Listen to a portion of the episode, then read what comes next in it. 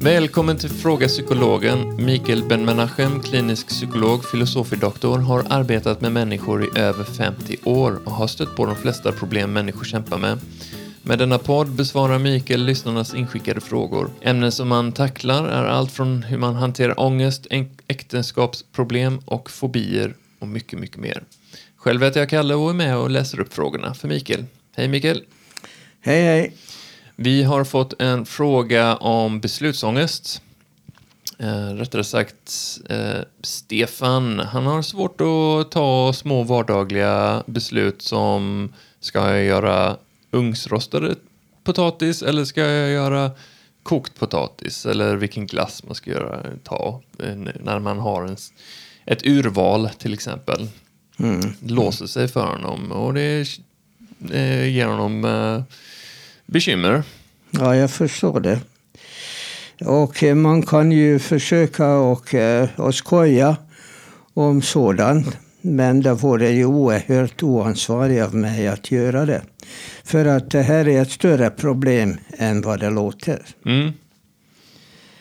Och naturligtvis så allt handlar ju om barndomen.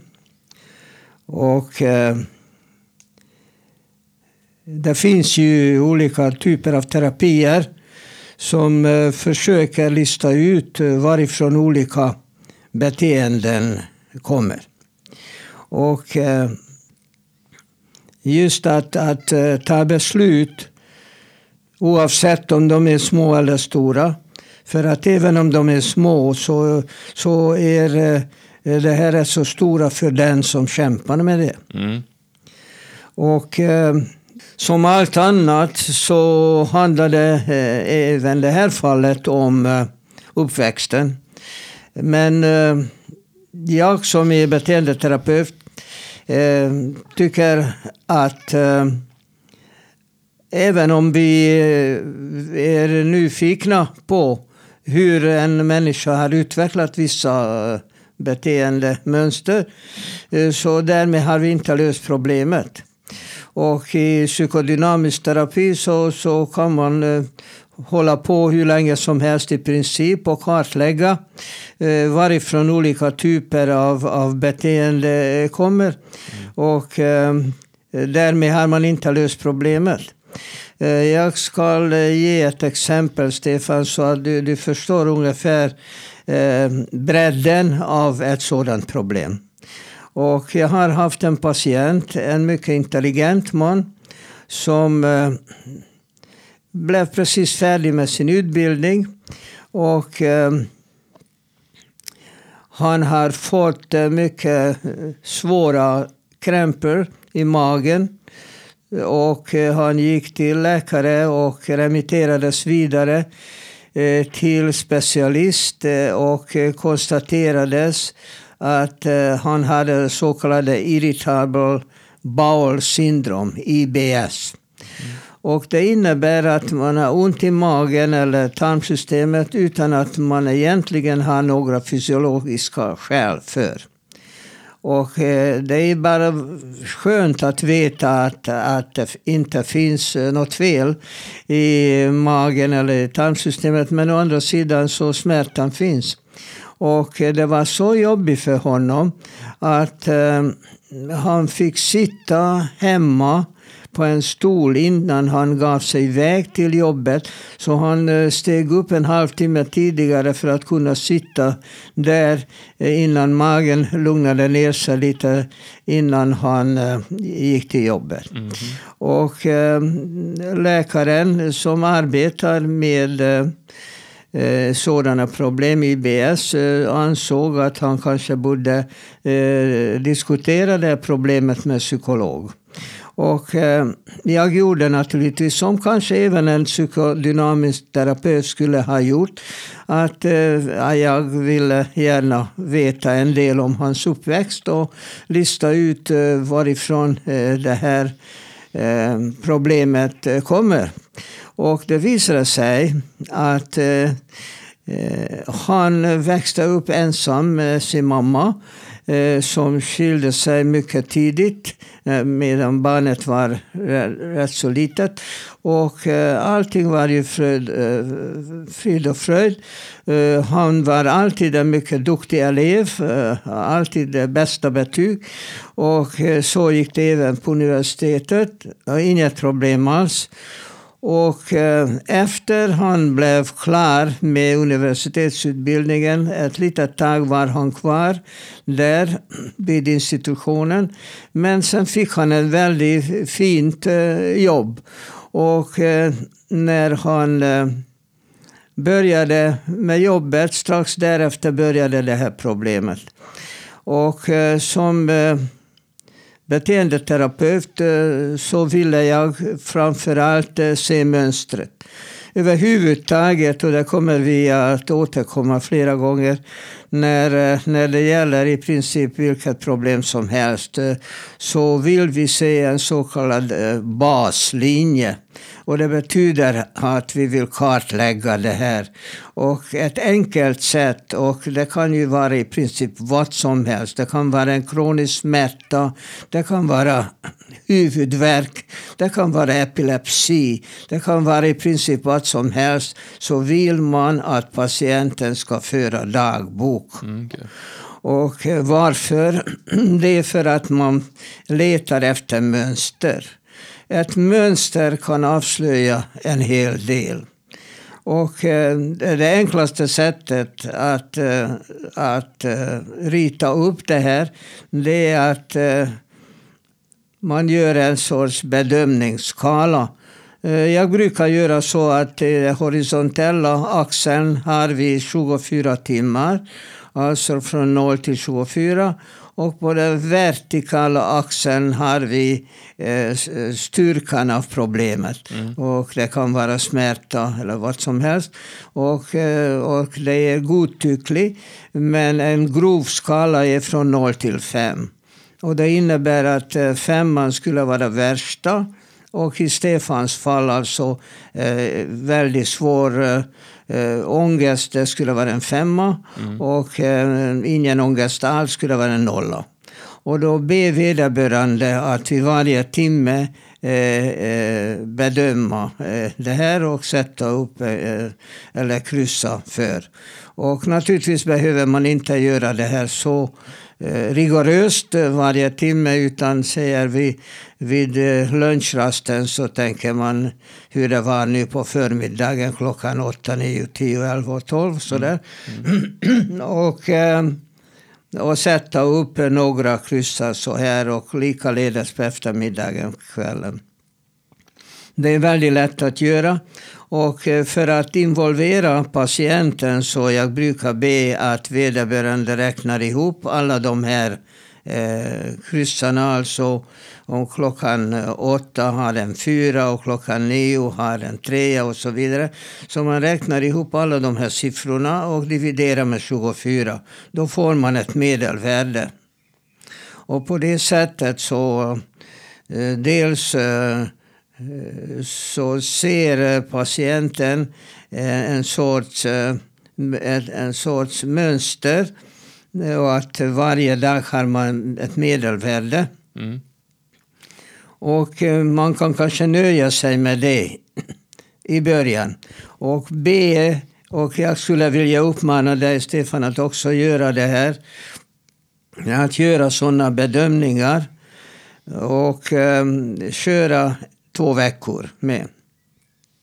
Och efter det här så ser vi lite bättre om, om det här uppvisar ett mönster. Till exempel om man ser att eh, det brukar man alltid ha på morgonen men inte på kvällen eller tvärtom. Mm. Om man brukar få det här innan man har ätit eller efter. Om, om, om det är vardag eller, eller veckohelg. Det kan ge oss en hel del eh, tips. Och efter det här så kan vi gå in i problemet och försöka och lösa det. Eh, som, eh, som jag sa tidigare, den här patienten levde ensam med sin mamma. Och eh, hon var en mycket god mamma och försökte verkligen göra allt för sin son. Och den här mamma-son-relationen har ju eh, naturligtvis präglat den här unga mannen som inte hade några större problem under hela uppväxten på det här sättet. För att han, eh, han fick en bra service hemma så att säga. Ja, ja. Men när han har fått sitt jobb, och det var det första jobbet egentligen i hans liv. Ja. Eh, då, då handlar det inte bara om att kunna saker eller att lösa problem. Utan det handlade om att leda möten. Mm. Och då kom ångesten. Och då kommer ont i magen. Okay. Och då ser vi liksom eh, mönstret i det hela. För att när vi tittade på hans schema.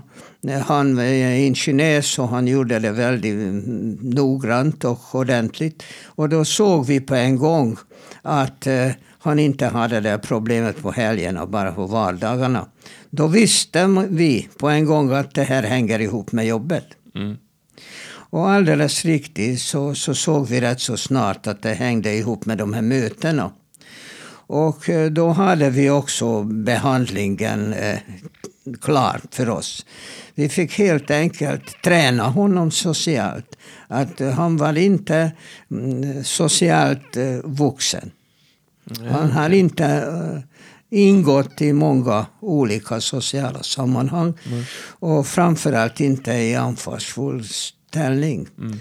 Och uh, det, den beteendeterapeutiska träningen bestod i att uh, vid olika varianter. Jag vill inte gå in i detaljer. Men eh, helt enkelt så ger man vederbörande en enkel uppgift och, eh, och ökar eh, svårighetsgraden. Eh, och eh, på det sättet så försvinner problemet. Så att i ditt fall, Stefan, så skulle jag gärna vilja dels eh, ha en mera detaljerad redogörelse. Det är eh, oansvarigt att försöka ge ett, ett allmänt svar. Eh, utan man får se mönstret, se sådana saker som när du har börjat med det här, på vilket sätt har det eh, spelat en roll i din livsföring? Har eh, din livssituation har ändrats på något sätt och så vidare. Och eh, väldigt snabbt kommer vi att, eh, att förstå varifrån det hela har kommit. Och sen kommer eh, träningsetappen när vi helt enkelt eh, börjar med en enkel uppgift och långsamt bygga upp det. Det är en typisk beteendeterapeutisk eh, metod. Att bygga upp det här till svårare och svårare tills eh, du klarar av även de svåraste besluten.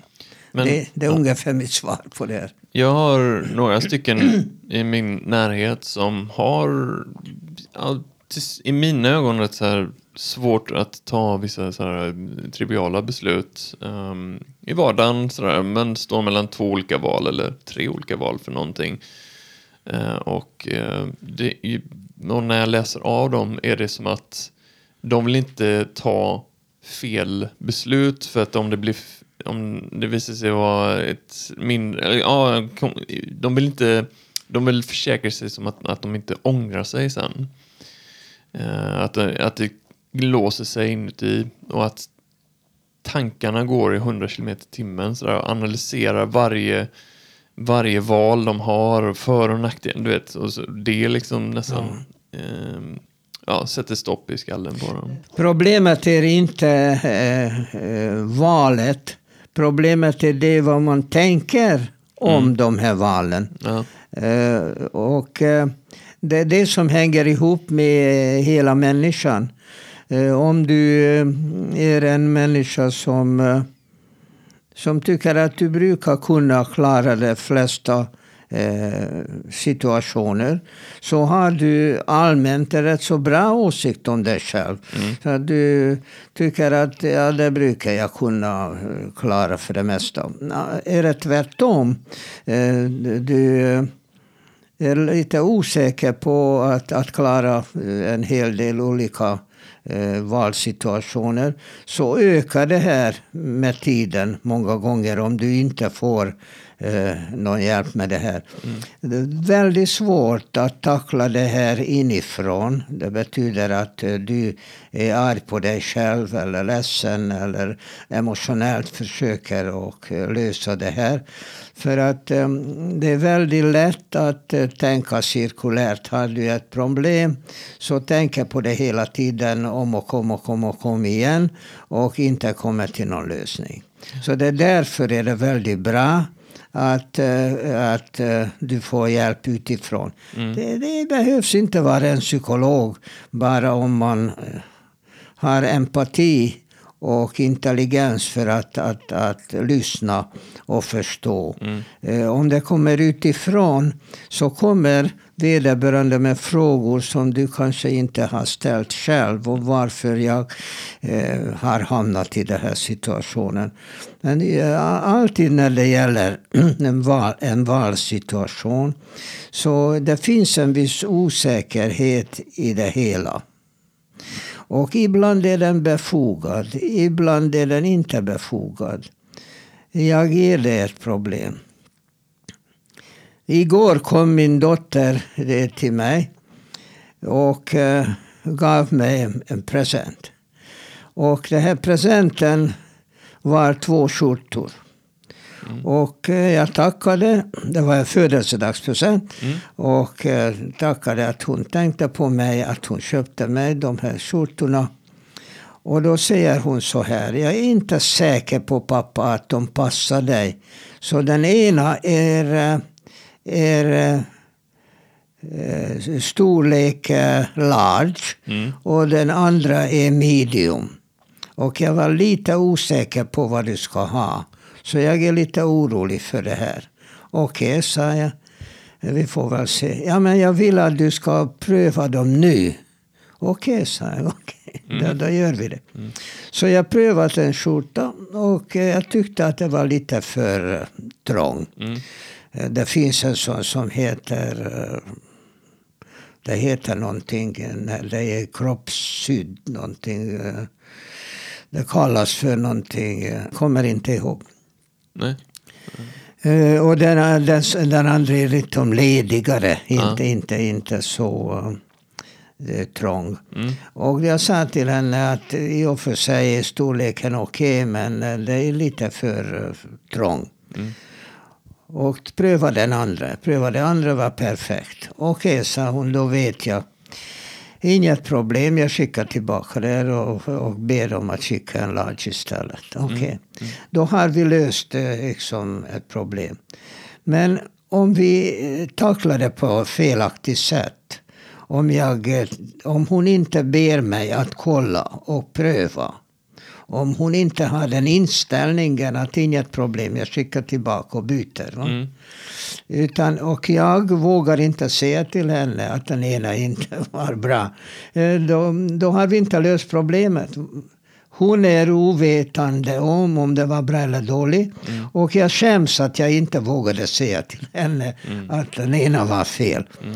Så att eh, sådana eh, valsituationer kan alltid lösas genom att man är ärlig med sig mm. själv. Mm. Däremot eh, så vi pratade en hel del om, om att välja partner. Och det här är mycket svårare naturligtvis. Så du fastnar för en tjej och du tycker att eh, hon är ljuvlig och eh, hon är precis som jag har drömt om. Hon har alla egenskaper som är viktiga för mig. Eh, och det vore underbart om hon skulle tycka om mig också. Om hon skulle tycka att jag är en trevlig kille och det är kul att vara ihop med mig. Och då börjar vi sällskapa. Okej. Okay. Men så kommer den här elaka tanken in i huvudet. Och vad skulle ha hänt om, om det nästa som jag skulle ha träffat var ännu bättre? Ja, det. Och det är många som kämpar med det här. Mm. Och det här är en fullständigt onödig tanke. Det finns inte, som jag har sagt tidigare, det finns inte nästa. Utan tycker du om en person och tänker att eh, med den här personen kunde jag verkligen leva ihop med. så behöver man inte tänka på vad skulle ha hänt om nästa gång. Det finns inte nästa gång. Satsa helhjärtat på den här relationen. Då kommer det att fungera. Har du några tips när det liksom, sådana situationer dyker upp? Vad man, hur man kan hantera beslutsångest? Ja, alltså en, en beslutsångest har alltid en lång historia. Och det är en lång historia även det handlar om en tioåring. Då har vederbörande en tioårig historia mm. hemifrån. Och, ehm, och det är ehm, i och för sig eh, rent intellektuellt intressant att uh, lista ut varifrån det kommer om barnet inte fick tillräckligt mycket chans i sin tidigaste barndom att få välja. Mm. Jag menar, det finns ju ungdomar uppe i 20-årsåldern som mamma går med och köper skor. Mm. Och eh, får acceptera, han är van vid att acceptera att mamma väljer skor. Och så plötsligt kanske är han gift och eh, bor på annan ort och så vidare. Och han har aldrig köpt skor själv. Och det är klart att han kommer att få ångest. Han har aldrig gjort det tidigare. Aldrig valt ett par skor själv. Och eh, tänker att mamma visste alltid vad som var bäst för mig. Och hur i världen skulle jag veta vad som är bäst för mig? Det är alltså en enkel historia till SHR beslutsångest. Men det är träningsbar. Allting är träningsbar. Mm. Ja, just... det, det, finns inte patentlösningar på det. Man bör förstå varifrån det kom. Och sedan så designar man eh, terapi för det. Mm. det. Den personen som jag tänker på som ofta har lite beslutsångest. Den personen har lite som modus operandi i livet att alltid ha ryggen fri eh, i alla situationer. Att den personen är ja, eh, oskyldig till allting. Eller sådär, allting den personen gör ska liksom vara reko. Det kommer mycket från den, dens bakgrund. Men eh, det är också sådär märkt att det påverkat eh, när det Ja men sådär, man känns som den personen skuldsätter sin framtid om, ja nu måste jag göra det här beslutet. Och tänk ifall det visar sig rucka på den här självbilden att eh, alltid liksom ha ryggen fri. Ja, då är det då är liksom fel med hela självbilden. Och det kan man också träna upp. Mm. Alltså nästan, i princip nästan allting är träningsbart. Mm. Men man måste satsa på det. Det finns inte sådana här eh, trollformler. Att gör så så blir allting bra på en gång. Jag har tänkt på att en, en vana har man kanske utvecklat i 30 år. Man ska ju närma sig med eh, respekt till en människa och har Eh, det här handlat om en vana som man har utvecklat i 30 år så kan man verkligen inte begära att vederbörande ska kunna ändra på det hux flux. Nej, jag tror verkligen, jag håller med dig och, och dessutom tror jag många upplever såna, en sån typ av vana inte som något problem ungefär. Att det eh, är, i många fall så är sådana vanor eller beteenden ett sätt att hantera att copa med saker och ting. Att det är en strategi eh, för att skapa ja, jag får inte trygghet utifrån utan jag måste ha kontroll och, och se till att ge mig själv trygghet och det gör jag genom de här, de här strategierna, bland annat eh, det här som jag ja, Det är det som är psykologin för. För att uh, man kan inte begära av vem som helst att ska kunna designa en, eh, en effektiv terapeutisk modell. Mm. Det, det, det är vad psykologer sysslar med. Mm. Ja, man kan, man kan gräva djupt. Jag, jag kan tänka mig att det finns, eh, bara spekulera, men att det finns en eh, ett värde i både att gräva djupt ner i, i så här, ah, de, de, här, de här vanorna har jag som sätter fällben till mig. Om man, om, om man har vakenheten nog att se att de, jag har beteende som är självdestruerande på något sätt eller i mina relationer eller hur jag tar beslut. Eh, att, eh, att ens se det och sen börja gräva, var, var kommer det ifrån? Det har ett värde, men jag kan tänka mig också att bara i situationen, till exempel det här fallet av beslutsångest. Jag vet inte om jag ska ha pommes frites eller om jag ska ha kokt potatis. Ah, Ja. och så tankegångarna. Men just att, att tekniken att de här bedräkta grejerna, till exempel bara andas, Men lugna alltså, ner jag, tankarna, jag, jag, kan inte gå in, in. jag kan inte gå in i detaljer eh, i det här programmet. Men ehm, du kan få mitt telefonnummer, Stefan. Och det Mm. jag tror du är menar mig. 0723 875 895.